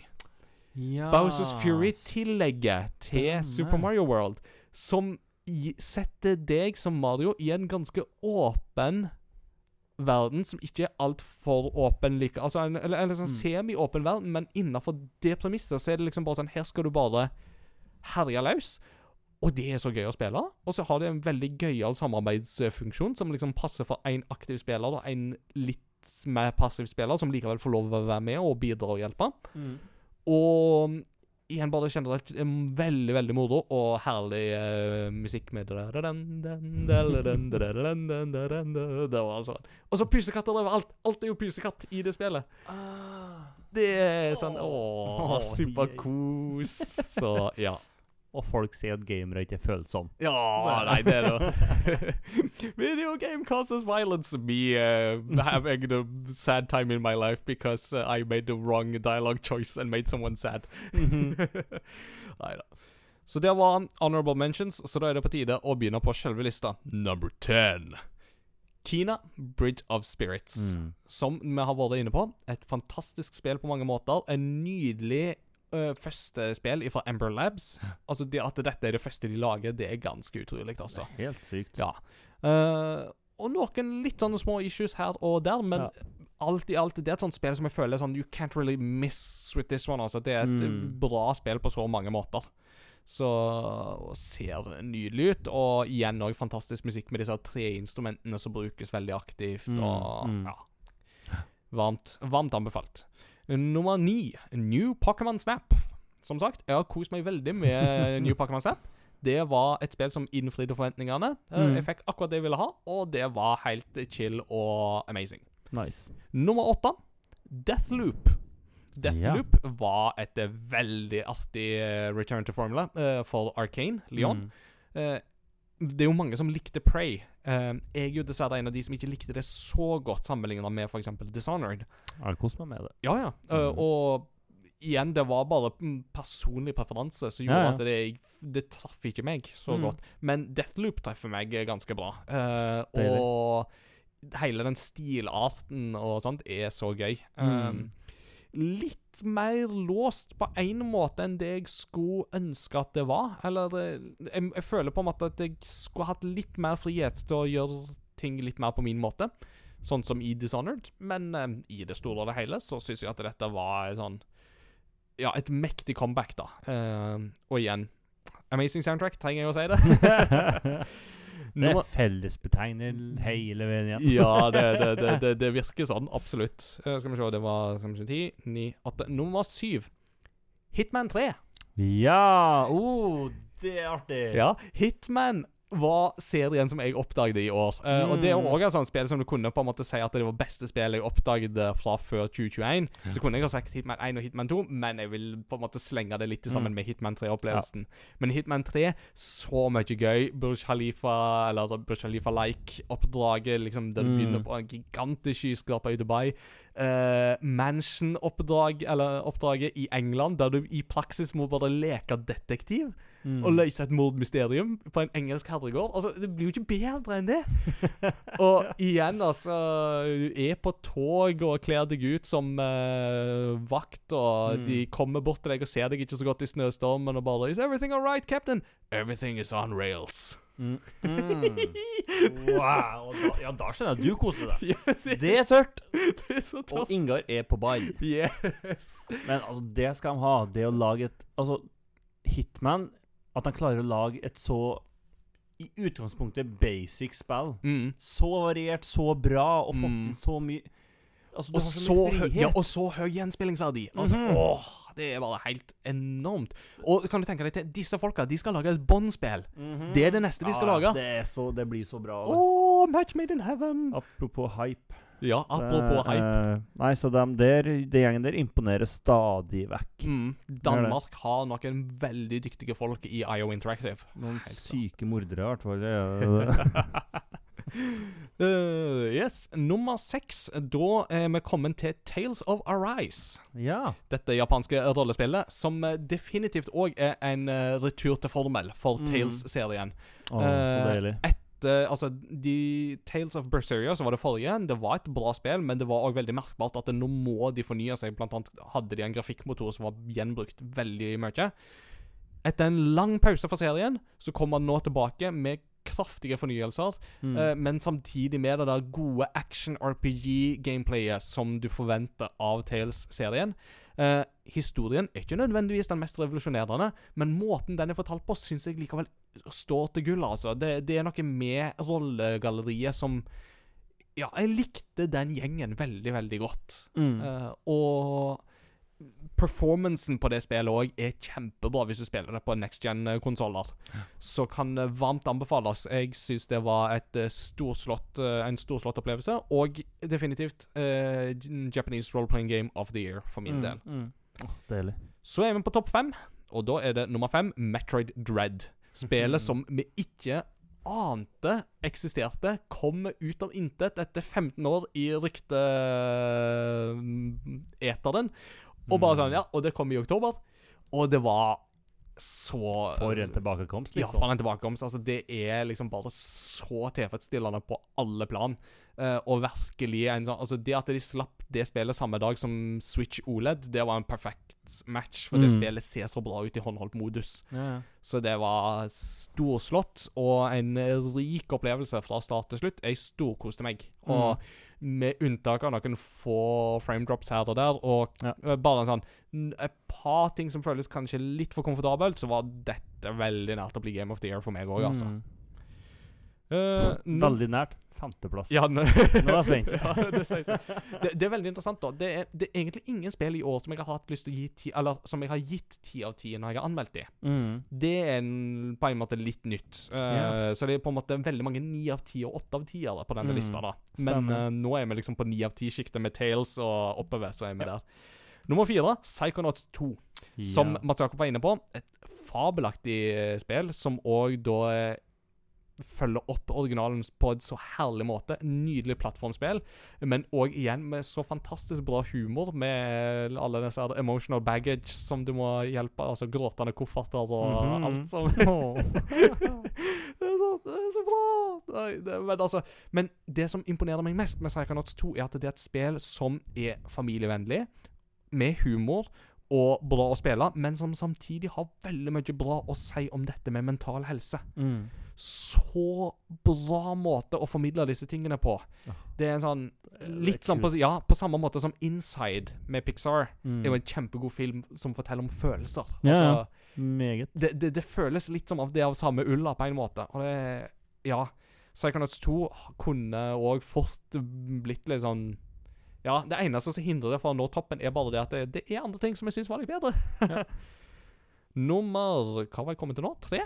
Ja. Mm, noe sånt. Collaboration! Yeah! It Takes Two er jo definitivt eh, på denne lista verdig, og det er Ja. så nært at det skulle ha fått Game of the Year. Altså, For Mm. det er maken til unikt, festlig og gøyalt konsept skal du lete lenger etter. Eh, Du husker på det, liksom. Ja. Det skiller seg så ut. Det er så unikt spill, dette Mm. spillet her. Det, det skiller seg så ut fra alt annet, og det at du Altså jeg tror jeg kan snakke for oss begge når jeg sier at dette er et spill vi har spilt med konene våre og kost oss med. Mm.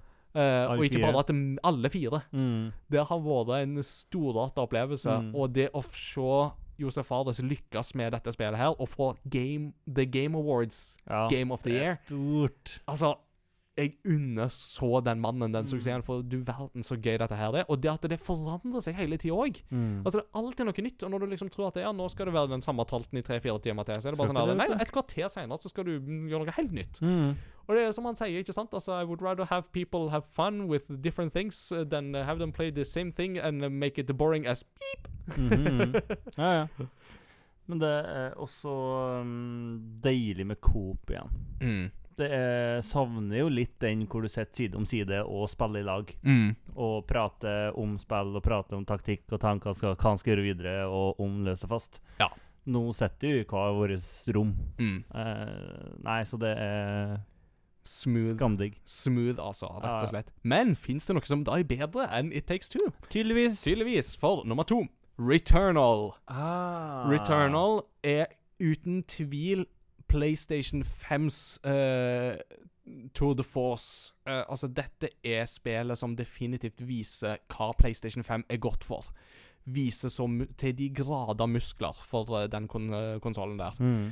Eh, det er et storslått eh, Hva skal du si, da? Det er en rogelike som samtidig òg føles som en oppfølger til Metroid Prime. Mm. Eh, den der science fiction-følelsen, den der gufne sci-fi-følelsen, og den loopen som du hele tida må igjennom. Og altså, dette er et spill som er vanskelig. Jeg har bitt å si om vanskelige spill, men altså Returnal var et spill som jeg bare kom tilbake Altså, det var et sånt spill som jeg hele tida var sånn der, Nå skal jeg tilbake til det, nå skal jeg tilbake Altså, Mm. sette meg ned og spille igjen og igjen og igjen, og igjen og det var Altså, den opplevelsen i det spillet der, det, den satt som et skudd.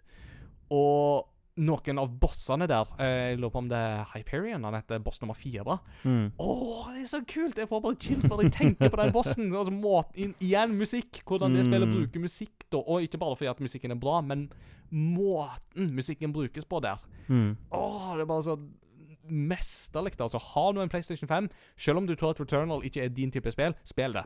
Altså, det, det er så et spill som fortjener å bli prøvd og bli spilt, Mm. og som igjen viser da nordisk spillutvikling Ja. For sin beste side. Dette er jo finsk housemark. Mm. Utsøkt, ja. Og altså, du verden, altså. Det, det spillet der, det um, høres så definitivt hjemme på en Game of the Year-liste for i år. For det maken, altså. Det skiller seg så ut. Det òg skiller seg så ut. Ja. Det føles så unikt og spennende. Mm. Og historien Jeg er jammen meg fortsatt ikke klok på om jeg har klart å nøste opp alle bitene. Men det er sånn spill som du går og tenker og kverner på Mm. lenge etter at du er ferdig, og det er ofte et godt tegn. Åh, deilig. Mm.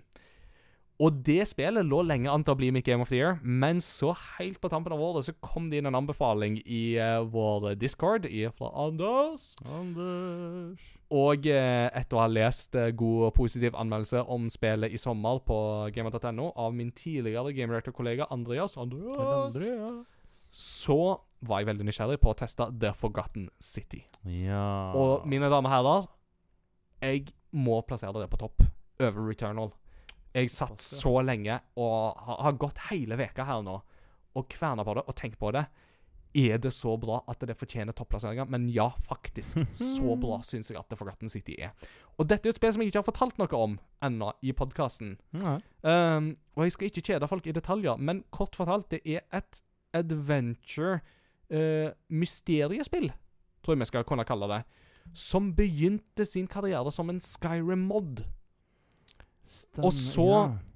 På et tidspunkt så Han som da sto bak dette, var advokat. Fikk egentlig beskjed av sjefen sin om at uh, slutt med det der tullet der. Vi all din oppmerksomhet til, til jobben din. Altså inkludert fritida di, basically. Og da var det bare sånn Så han satsa alt. Begynte uh, sitt eget eh, spillstudio. Fikk med seg to andre, og det hadde jobba med i fire år. Mm. Og ja, du kan merke litt her og der litt jankiness som viser at dette er bygd på en Skyrim-mod. Mm. Men du verden, den opplevelsen dette spillet gir, er så uovertruffen. Dette er et fantastisk narrativ i det spillet der. Eh, så kort fortalt, du havner bak i tid i en glemt ruin i ei grotte. Eh, du havner i år 65 etter Kristus. Eh, kort tid etter den store brannen i Roma. Mm. Eh, og oppdager at det som i din tid er en ruin, det lever nå i beste velgående en eh, romersk by, eh, der det ingen kan komme seg ut. Og i denne byen så er det en regel som kalles den gylne regel. Og da tror du kanskje alt du vil at andre skal gjøre mot deg, skal også dere gjøre mot den. Nei da, her det. det er noen i denne byen som har hørt om Jesus, men det er ikke alle. Nei. Så den gylne regelen her låter at the, the sins uh, Ja, altså The many shall suffer for the sin of the one. Hvilket betyr at om noen i den byen begår en synd, så vil det komme guddommelig straff over dem. Og det i seg selv åpner jo for spørsmål, for den regelen er ikke så veldig godt utarbeidet. Altså, hva Nei, definerer en det- synd? Ja, ja. Ikke sant? Hvor går den definisjonsramma? Så det blir nesten litt som omvendt av utilitaristisk tankegang? Ja. At uh, du må altså Her er det litt sånn at alle må Ja, holde ja. seg i skinnet, eller så. Eh, og det er veldig mye som i denne byen som antyder at eh, det vil definitivt komme en straff. For man finner tegn til at det har bodd folk her før disse romerne kom òg. Mm. Og dette åpner jo for så mange spennende samtaler. Mm -hmm. Fordi um, dette, bare dette med altså, Du kan gå og filosofere og snakke med dem om sånt. Blant annet om spørsmålet hva er Hva konstituerer egentlig en synd? Mm. Ikke sant? Kjempeinteressant. Eh, og det sjøl for folk som eh, ikke er sånn som meg, som er en forkjærlighet for eh, teologi og filosofi, så tror jeg at dette her er sånn Det er løst på en så kreativ og spennende måte. Mm. Eh, og aldri sånn overformyndende eller belærende eller moraliserende. Tvert imot ba bare interessant. Ja. Um, og så er det jo litt sånn at du som spiller opplever den samme dagen igjen og igjen. Så uh, du kan ta med deg informasjon og eventuelle gjenstander tilbake til begynnelsen av denne dagen. Og det gir deg stand, gjør deg i stand til å komme plasser du normalt ikke ville kommet, eller å vite ting som du normalt ikke skulle kunne Mm. vite. Mm. Og sakte, men sikkert så får du jo nøsta mer og mer opp i dette mysteriet knytta til denne byen, til Mm. denne loopen som du er fanga i, og Mm. den gylne regel. Hm. Og jeg satt igjen bare sånn Altså, dette var et spill som midt i travle eksamenstider så satt jeg og spilte dette til sene kveldstider. Og mens jeg var på jobb, så satt jeg bare og tenkte på spillet. Og Mm. ledige stunder så satt jeg bare ned og begynte å spille det. Mm. Og twists and turns som jeg ikke så komme i det hele tatt. Og Nei, vet du hva. Dette her var bare et så, så unikt og så bra konsept. Og det at det er utvikla av et så lite team Mm. Da kan jeg tilgi at det har litt tekniske begrensninger, for vet du hva, det var en helt amazing opplevelse. Så for meg så er da The Forgotten City Game of the Year. Og da er vi kommet til det punkt at vi skal helt til slutt kåre Crossover Gamings Game of the Year. Ja. Og nå er jo dessverre Måtte jo Mats Jakob dessverre stikke. Men eh, jeg ser for meg, Peter, at det er ett spill her som er ganske høyt oppe på begge våre si lister, Det er jo det. og det er It Takes Two. Ja. Og det er vel ikke så vanskelig å Jeg tror ikke det hadde vært vanskelig å overtale Mats Jakob til å, å Selv om han ikke har spilt det, at det er et veldig veldig bra spill som fortjener heder og ære, sammen Mm. med våre foregående mm, spill på den topplista. Mm. Altså, tidligere så har jo God of War vunnet, Mm, Pokémon Sword and Shield har vunnet, Stemmer. og Hades har vunnet. Ja. Og Så, jeg hvis, hvis du har noe mot Mats Jakob, så kan du si fra nå. Nei, ikke det. Ja, Nei, men ja, greit. Plutselig så bare hører vi fra Mats Jakob The many shall suffer for the sins of the one. Nei da. Uh, It Takes Two vinner da herved Crossover Gamings Game of the Year 2021. Gratulerer, eh, Josef Fares. Det har du så rikelig fortjent. Mm. Eh, må du fortsette å gi oss mange kreative krumspring i årene som kommer. Eh, jeg er brennklar allerede for ditt neste prosjekt. Eh, kjempespent. Eh, og jeg er enig. Oscars kan gå og ta seg en bolle. Mm. Litt eh, euf euf eufemistisk ja. formulert, da. Da var det vår siste episode for i år, gitt. Det var det. Det er, eh, Vi er liksom ved veis ende ved 2021, og du skal av gårde til uh, fjerne himmelstrøk i Nord-Sverige og Skal kjøre uh, Hvor mange timer blir det? 8-16 Litt over 22 timer, tror jeg det. Ja. Da passer det jo bra at denne episoden kommer ut før dere skal reise. Så Så det, ja da, vi rekker å høre ferdig denne episoden her 13 ganger, tror jeg, før vi er tilbake til Oslo. Jeg skal treffe svigers for første gang på Det er to år og to måneder. Litt Ja. mer enn det siden sist gang jeg traff dem. De skjønner fortsatt ikke hva jeg sier når jeg snakker, så Nei. det blir jo interessant. Og jeg vet ikke hvordan slekta hennes ser ut, for jeg har aldri truffet dem. Sånn, I kjølvannet av dette her Eh, så må vi jo bare komme med en aldri så liten crossover gaming-anbefaling. Mm. Eh, og det er gå og vaksiner dere! Ja. Gjør det. Gjør det. Altså, det, er ikke, ikke, det er ikke et spørsmål engang. Gå og vaksiner Mm. dere, så blir vi ferdige med dette her. Så da, nei, så da er det å eh, laste opp eh, Nintendo Switchen, og så skal alt av barnespillene kan komme over, og så skal vi imponere kidsa, i hvert fall, som bare juling. Det er det viktigste. Det, må, det må jeg jo ta med. da De har drevet de er to. Eh, han er fire og seks, tror jeg. Eh, de har sittet og så diskutert hvem i familien er det som er best på superhelter. Og det måtte jo være Peter. Yay! Så det var, det var digg. Så, da, så nå har vi kjøpt eh, ekstra julegave til dem, da. Og da kjøpte vi Spiderman og Hulken, så da ble det bra. Å, sweet. Oh, det er så bra. Det er så bra. Ja, bare, Så, synd at, eh, bare synd at Spiderman er på PlayStation 4 og 5, og ikke på Ja. Switch, da. Så Ja, det får vi ikke valgt, men det, det får gå. Vel, eh, jeg har vært så frimodig at jeg har plukka Postludium til Ja, i dag. Eh, og da slengte jeg inn eh, Deja Vu, uh, den her temasangen fra Deathloop, som er så amazing. Mm. Med nå Komponistenavnet skal jeg vel knapt nok prøve å uttale. Sensit? Sensit? Eh, med en C oppi inni der. Med eh, Fjøra. Eh, som har med på å synge. Ja, nei, men det er helt sant. Det, det er artistnavnet vi snakker. Men, men altså Den låta er så kul. Altså, Den Ja. skriker liksom bare sånn at Dette er Bond-låter som alle ble laga. Åh, Eh, deilig, deilig, deilig. Mm. Nei, folkens. Det er um, Hans Gruber har falt fra Nakatomi Plaza, Mm. og vi skypa med Kabul, og Ja alt er gjort, og um, uh, King Jaffi Joffer of Zamunda har uh, um, ja, henta tilbake sin sønn, så alt er liksom Alt er som det skal være. Alt er som det skal være på Ja. rundt juletid. Ja. Så vet dere hva? Takk for oss. Takk for at dere hører på. Takk for at dere er en del av verdens eh, Mm. beste community. Vi Ja. er superglade for at dere er med. Hvis du hører på og ikke er med, bli med i discorden vår, da vel. Det er bare å gå på crossovergaming.no og klikke seg inn der. Do it. Yes. Vi snakkes ved neste korsvei, som blir en eller annen gang i 2022. Takk for nå. God jul. Ha det bra.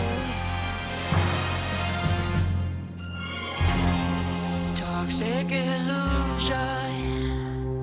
Falling deeper spiral through time. Started.